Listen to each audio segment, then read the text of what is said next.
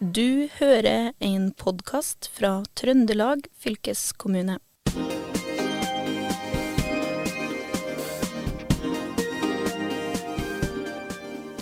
Hei og velkommen til Fylkesbåten historier fra Trøndelag.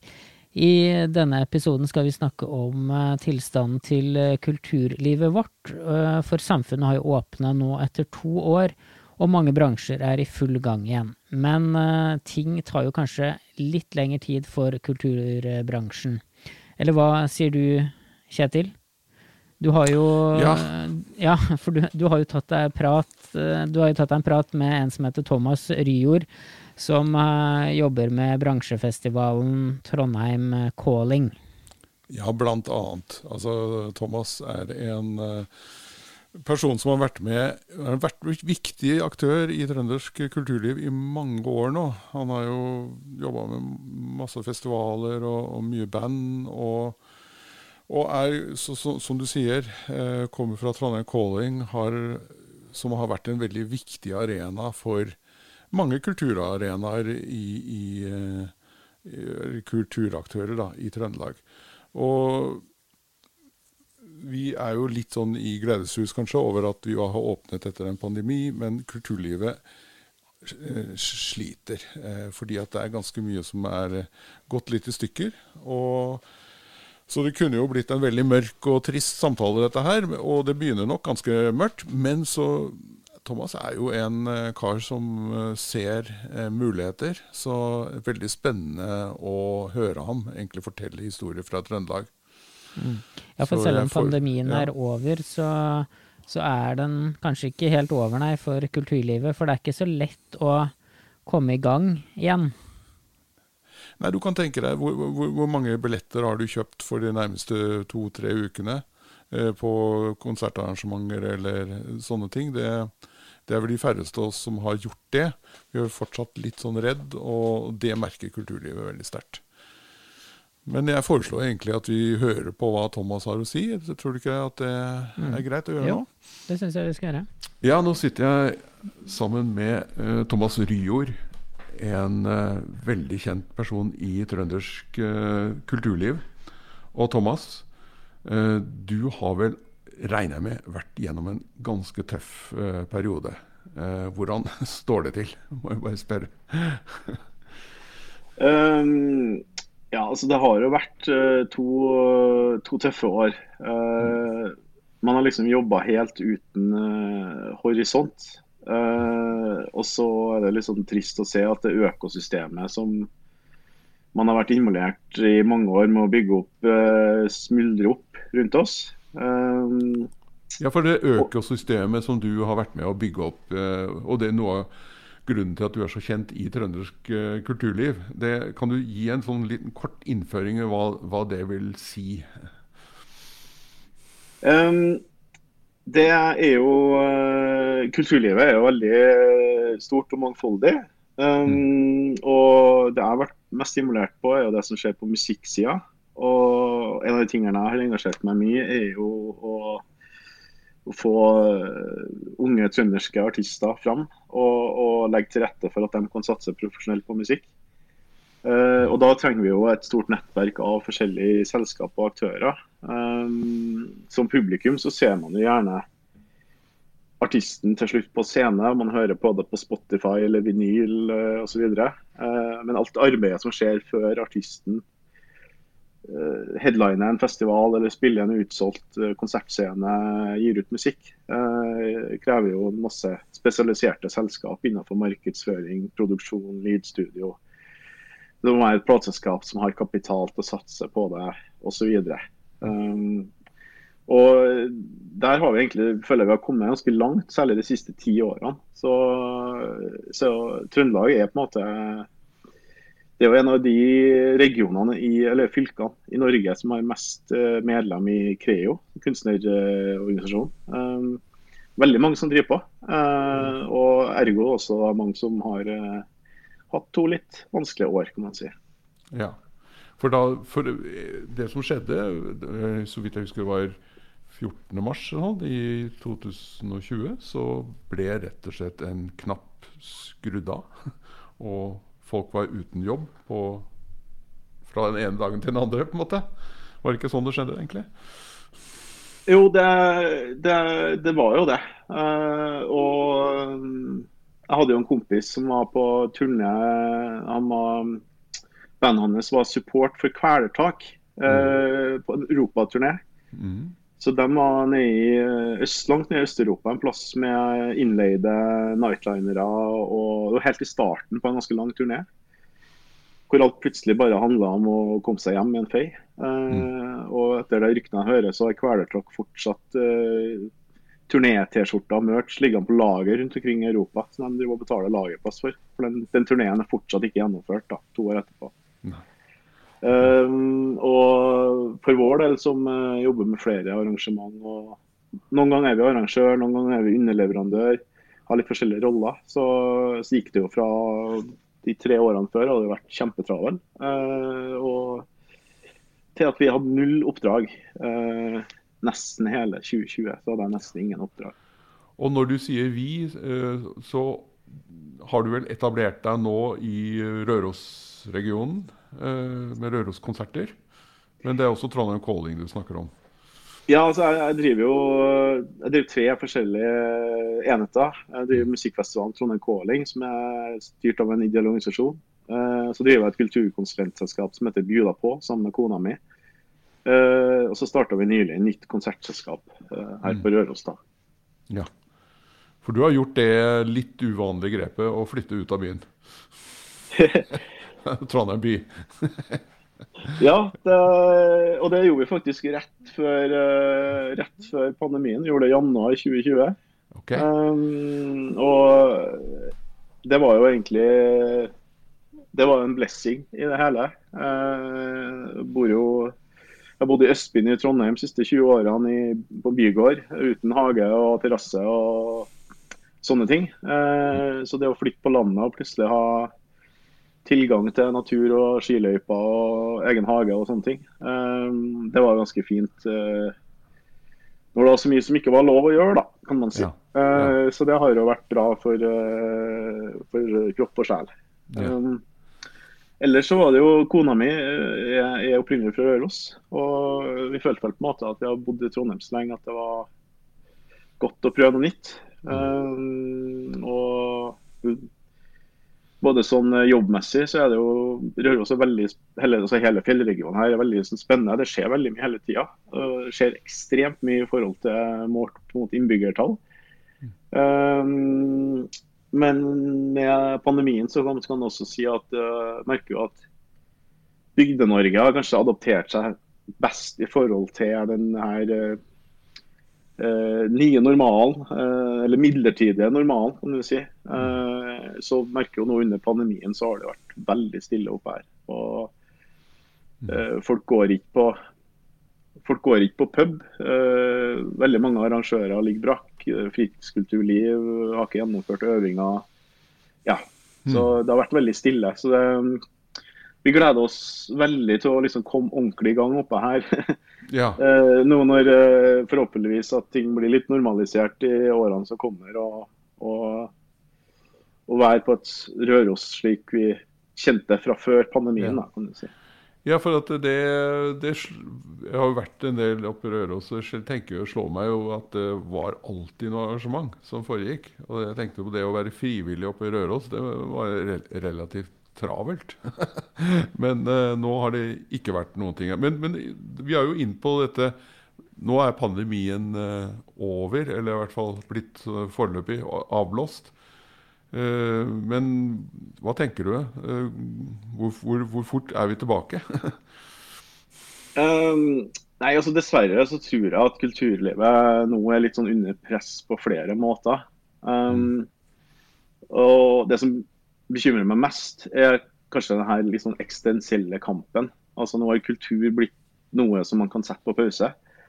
Uh, og jeg syns det er litt, sånn litt dystopisk at uh, det har jo vært forbudt å danse på byen nå i nesten to år.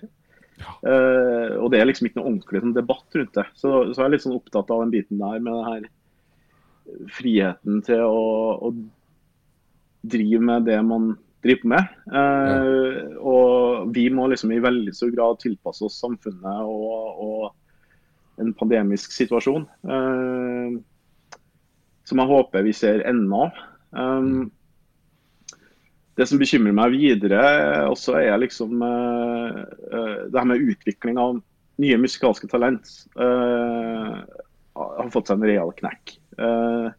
Jeg syns egentlig det ligner litt på hvordan det var i Trøndelag når vi starta opp Trondheim Calling i, i 2010. Du ser liksom Festivalene i regionen de har nesten ikke trønderske artister på plakaten. helårsarrangørene orker ikke å drive med tapskonserter. Det er ofte tapskonsert å booke unge, lovende artister. Mm. Uh, det er lite kapital i musikkselskapene. Altså nå, det var en undersøkelse som Music Norway har gjort som, uh, på at uh, de fleste musikkselskap i Norge har tæra mellom 30 og 50% av egenkapitalen er borte ja. i løpet av pandemien. Um, og, og, selv om vi på en måte har en gjenåpning nå, så rapporteres det over hele Norge at billettsalget er veldig sviktende på vinteren. Og da er det enda mer penger som tapes. Mm. Uh, på toppen av det her så har vi også en sterk prisvekst i samfunnet. Slik at alle tjenestene vi må kjøpe er blitt dyrere. Enten det er transport, eh, teknikk, hotell osv. Så. Så jeg tror på en måte at uh, helheten av kulturlivet er liksom satt en del år tilbake. Og, og, særlig den biten med at unge artister har, får muligheten til å bli plukka opp av bransjen og på en måte kasta inn i økosystemet og, og lykkes med tingene sine. Mm. Nei, men det Ja, og, og, så er det jo litt uh, På et vis ut, Den teknologiske utviklingen har jo gått i retning av at det er lett å produsere musikk på et vis. Uh, men det å få bygd opp et publikum og få et marked ut av dette, det, der, det, ja, det er vanskelig. ja, det er, det er det, og det, det kalles jo altså det er et begrep det er 'paradox of small'. Altså Det er veldig mange små aktører som gir ut musikken sin selv, eller mindre plateselskap, men det er veldig, veldig liten andel av av alle som gir ut musikk som, som klarer å finansiere det, at, det er selvfinansierende. Mm. Uh, og, og, nå er jo på en måte mulighetene større enn noensinne på å, på å, å få gitt ut musikk. Uh, mm. og, og, også på en måte at det er tilgjengelig globalt. Uh, men på en måte med denne mengden musikk som gis ut hver dag og, og sånne ting, så så trengs det fortsatt et solid markedsføringsbudsjett og, og noen som vil satse kapital på det for å måte, nå ut i det markedet, kan man si. Ja. Det blir jo veldig kanskje viktig å, å være og, bygge opp eller Gjøre litt sånn som man gjorde kanskje i gamle dager. Og, dra ut og spille og treffe folk og skape engasjement da, fysisk knytta til den musikken. Uh, hardt arbeid, er det ikke det?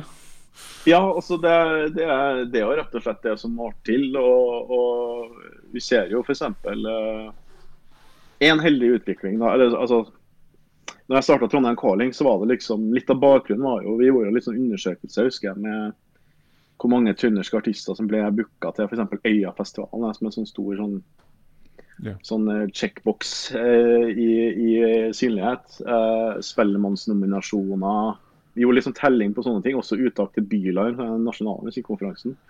Mm. Og Der er vi jo heldigvis i en helt annen situasjon enn vi var i 2010. Altså Det er flust av trønderske artister i alle aldersnivå, i alle sjangre, som er blir booka ja. nasjonalt på festivaler, uh, spellemannsnominert, spilt på radio osv. Ja. Uh, og vi har jo gode eksempler nå på Det som også er litt artig, er jo på en måte at rocken er jo liksom tilbake. Og Det er ikke bare på en måte et sånn lokalt fenomen. Vi ser jo I USA nå, for eksempel, så er jo gitarbasert rock er, er å se på veldig mange av de store festivalene. Mm. Uh, altså nye band, gitarbaserte band. Uh, og Det er kjempeherlig å se f.eks. sånne her nye trønderske band som Kombos og Murder Made, som bare blir annonsert på festival etter festival nå. Um, ja. Kombos er jo litt sånn her uh, glad for å se at de Altså, de ha De ga ut debutplata si i mai 2020. Ok. og det var, jo, det var, jo, et løp de hadde jobba med i flere år. Ja. Eh, de var demoartist på Trondheim Calling 2019, og da spilte de helt faktisk sin aller første konsert. Jaha. Eh, og så ble det hype rundt dem. De fikk eh, platekontrakt, de fikk bookingbyrå.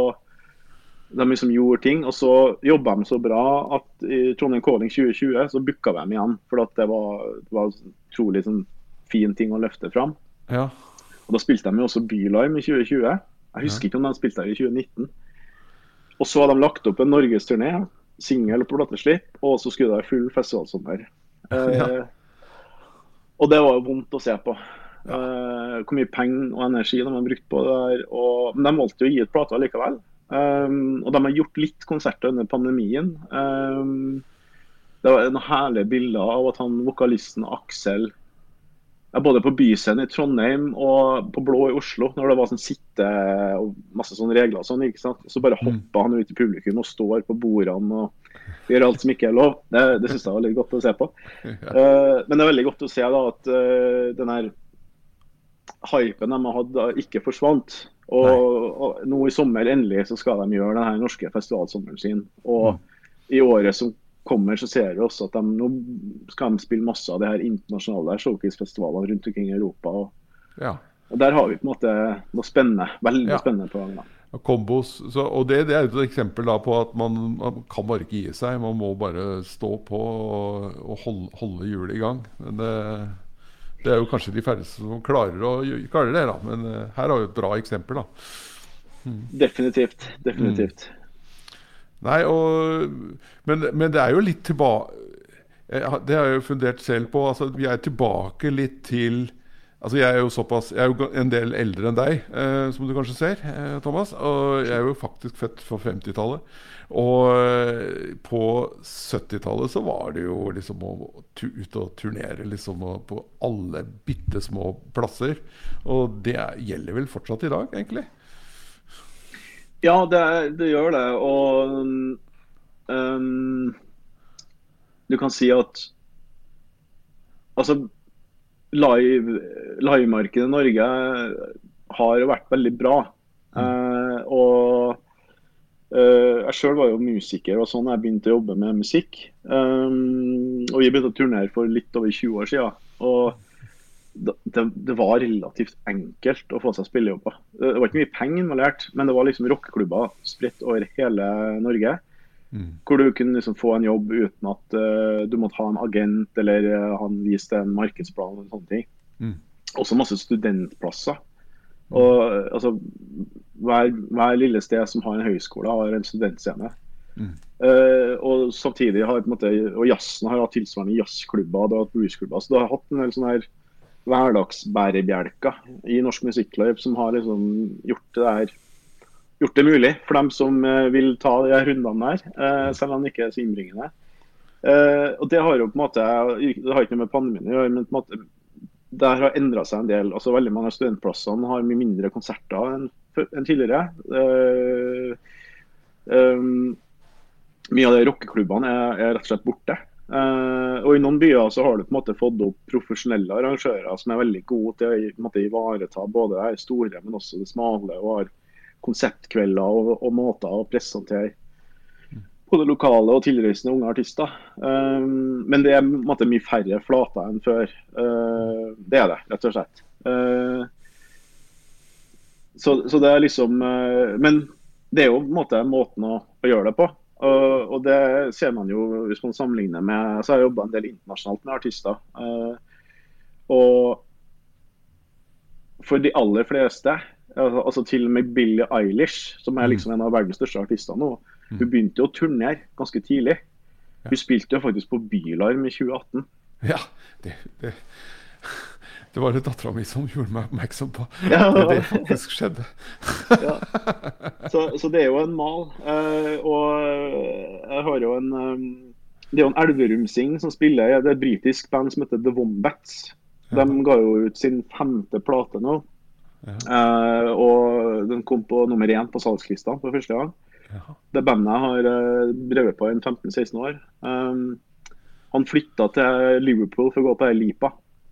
Og så møtte han eh, resten av det som ble bandet hans og det som ble manageren. Og, og det er Wombats uh, har gjort stor suksess. da, og spiller Det spiller på en måte med 3000-4000 kapasitetsscener i hele Europa og England. Ja. Uh, og dem, eh, Før de på en måte hadde et ordentlig gjennombrudd, så tror jeg de hadde gjort en 200-300 konserter i England. Ja. Og bare kjørt på. Um, og ja, det er, det er liksom altså, For de aller fleste så er det på en måte veien å gå. Um, Mm. Men så klart, da blir det jo det litt sånn trangere om plassen når det er på en måte færre.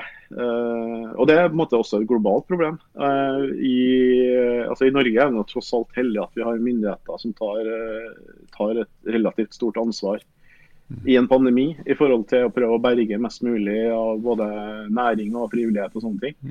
Eh, England så er det jo helt forferdelig. Der er det jo veldig mange konsertscener som bare er borte. Mm. Eh, som har blitt frisørsalonger eller uh, blir Ja. Ja. Uh, så, så det er på en måte Det er noe som snakkes også på altså et globalt nivå. da, At, at de her årene som kommer nå, så er man liksom spent på Man vet ikke helt utfallet av det. eh, for det er så mange sånne parametere som er endra og ting som er borte, som man på en måte kanskje ikke ser helt. Nei, men eh, altså, dette, her er jo tanke, dette her er jo tankevekkende, og det er en utvikling. Og så, så må man jo da tenke selv Skal vi da tillate den tilla, eh, utviklingen der, eller skal vi på en måte oppfordre til litt sånn eh, ja, gjestfrihet og ny, nytenking? Uh, vi som jobber i fylkeskommunen ser jo på ulike bransjer. Uh, og ser jo også at den klassiske mm, musikkbransjen har jo i mange år slitt eh, litt tilsvarende som det du snakker om. Men der er det jo plopper opp noen sånn type huskonserter, og at folk åpner sine hjem, og at man gjør litt sånn alternative ting. da. Eh, så kanskje en liten dugnad er på gang. Hva tenker du? Ja, altså, altså eh, Jeg syns jo det er, um, det er veldig fint å se Det er fint å se altså, i Trøndelag da, hvordan vi har kommet i forhold til det her med kortreist mat. Mm. Men også det er veldig sånn høykvalitetsrestauranter og kokkemiljø. Mm. Eh, altså Folk reiser til Trond... Altså, folk reiser fra rundt omkring i Europa til Trondheim for å spise på restaurant. Mm. Eh, kjempegod reklame. Eh, og det, det øker jo på en måte interessen for kokkefaget. Eh, det gjør det enklere for de her restaurantene å, å ha, rekruttere og skape gode faglige miljø. Eh, også som du ser med Credo, som har det Geitmyra matkultursenter for barn. Så man, man jobber liksom på hele uh, linja der, da.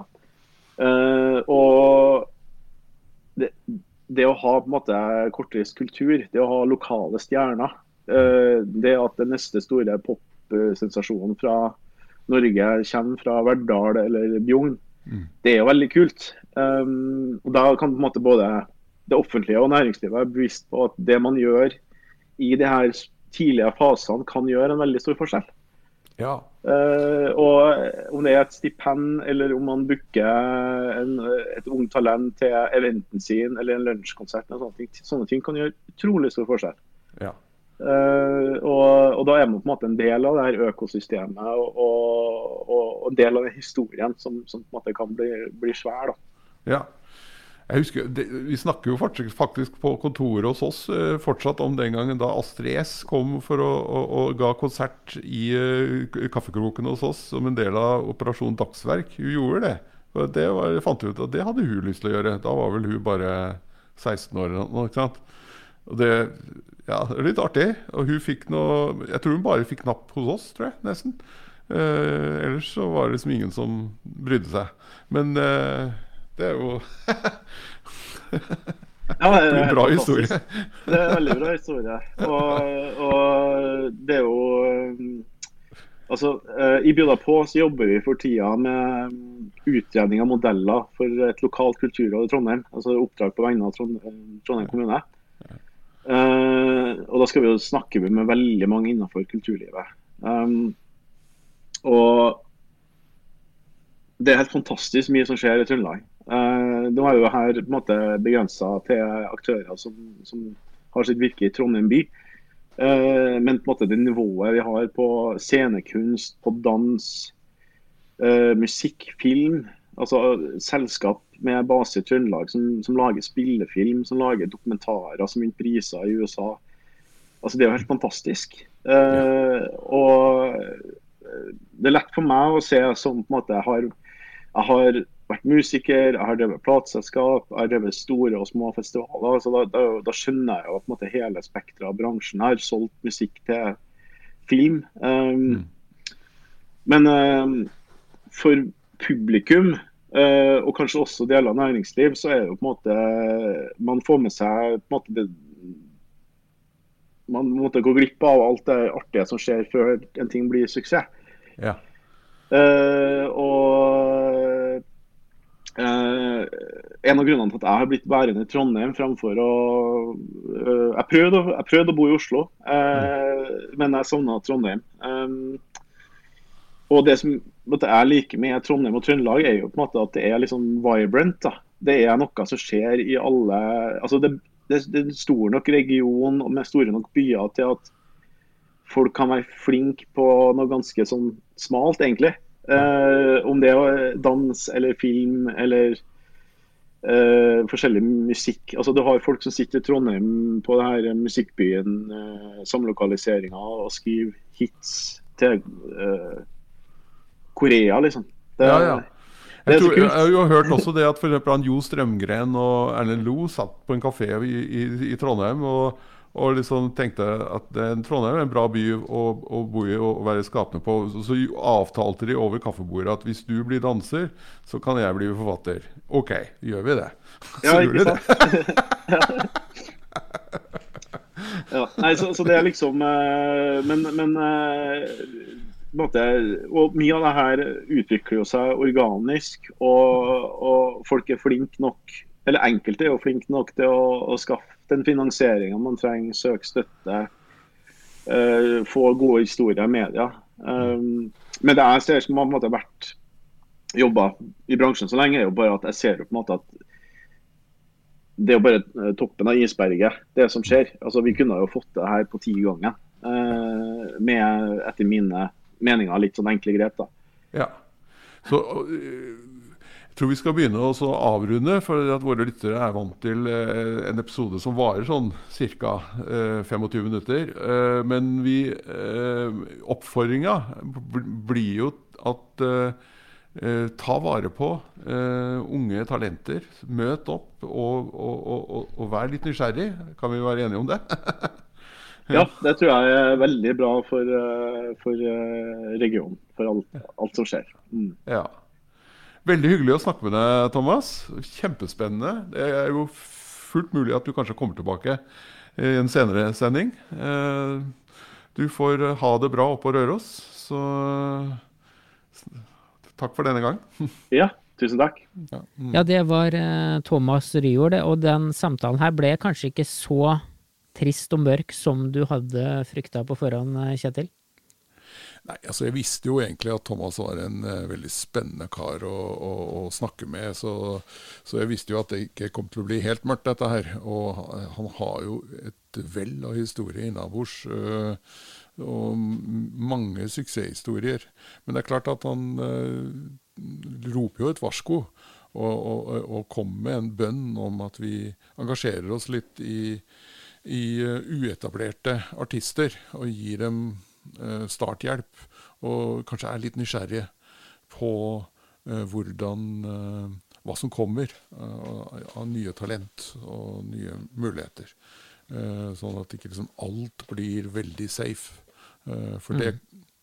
det, er jo, det, er jo, behagelig å satse på safe artister som Metallica og ja, Arve Tellefsene og alt sånt. Men, men, men det mm. fins jo, jo, veldig mye ungt og bra på gang. Mm. Mm. Men ting begynner jo å falle på plassen, og du var jo ute i Trondheim nå sist helg, og da var det jo band og alt mulig?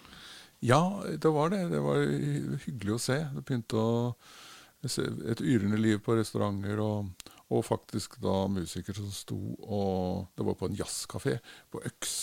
Uh, på lørdager. Anbefaler det. Uh, og de musikerne der, jeg spurte dem, uh, og de hadde avtale med stedet. Og det var flere steder, også på Britannia og sånt, så hvor, hvor, er, hvor de har da avtaler om å spille. Eh, og det syns jeg er positivt.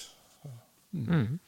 Ja, veldig bra. Vi håper jo at eh, Thomas Ryor kan komme tilbake til oss eh, her i Fylkesbåten og snakke om helt andre ting enn smitte og bekymringer for framtida. Ja, det håper vi. Da han skal, ja, han skal, jo i gang med ny Trondheim Calling, og da kan vi jo lage en rapport derfra, f.eks.